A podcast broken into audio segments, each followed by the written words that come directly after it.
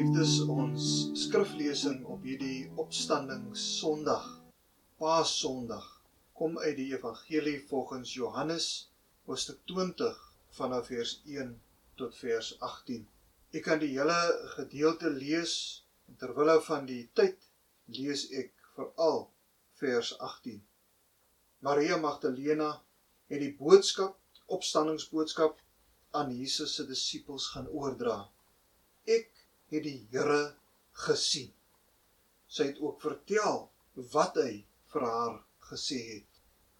Geliefdes, die gedeelte wat ons gelees het begin met die donker nag.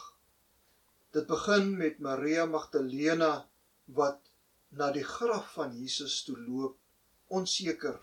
Miskien het sy nog gedink aan die gebeure die laaste paar ure Miskien het sy daardie aand nog met die disippels geworstel. Daar was twyfel. Daar was onsekerheid in hulle gemoed. In 'n sekere sin sou ons kon sê dat die dood van Jesus het vir hulle ontdigter. Die apostel Johannes, die skrywer van hierdie boek Johannes, skryf ook aan 'n gemeente en vertel hierdie storie, 'n gemeente wat ook geworstel het met ontdigtering. Hulle het die Here Jesus Christus gevolg. Hulle het hom gesien opvaar. Hulle het op daardie oomblik in afwagting uitgesien na sy wederkoms, want hy het beloof dat hy weer sou kom, spoedig sou kom. Maar dit het nie gebeur nie. Inteendeel, wat gebeur het was as gemeente het hulle vervolging in die gesig gestaar.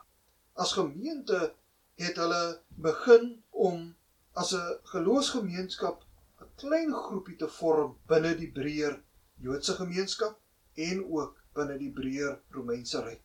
Daar was twyfel, daar was onnigtering. Miskien iets wat ons ook in hierdie tyd ervaar, tyd van twyfel. Hoe gaan my toekoms lyk? Hoe gaan die lockdown my werksmoontlikhede beïnvloed? Hoe gaan dit my verhoudinge beïnvloed met mense? Miskien is daar ook selfs ontnigtering. Maar met die verhaal van die leegraf wil Johannes verkondig. Eerste disippels het twyfel geken.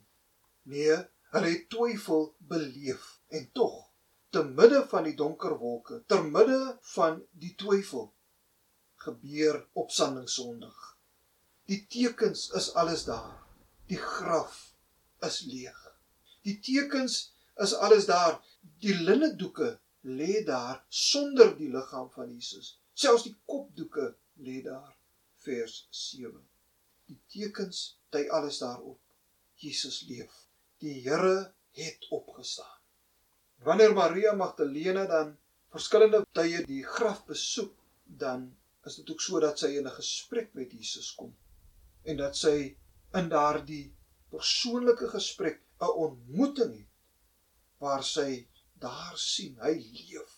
En daarom hierdie woorde in vers 18 waar sy verkondig, waar sy getuig, ek het die Here gesien.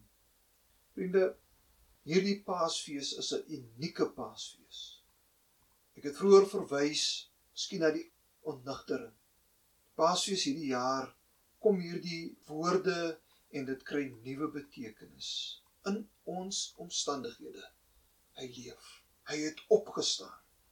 In 'n sekere sin kom die opstanding van Jesus en dit verander die Pasga wat die Jode gevier het na Paasfees.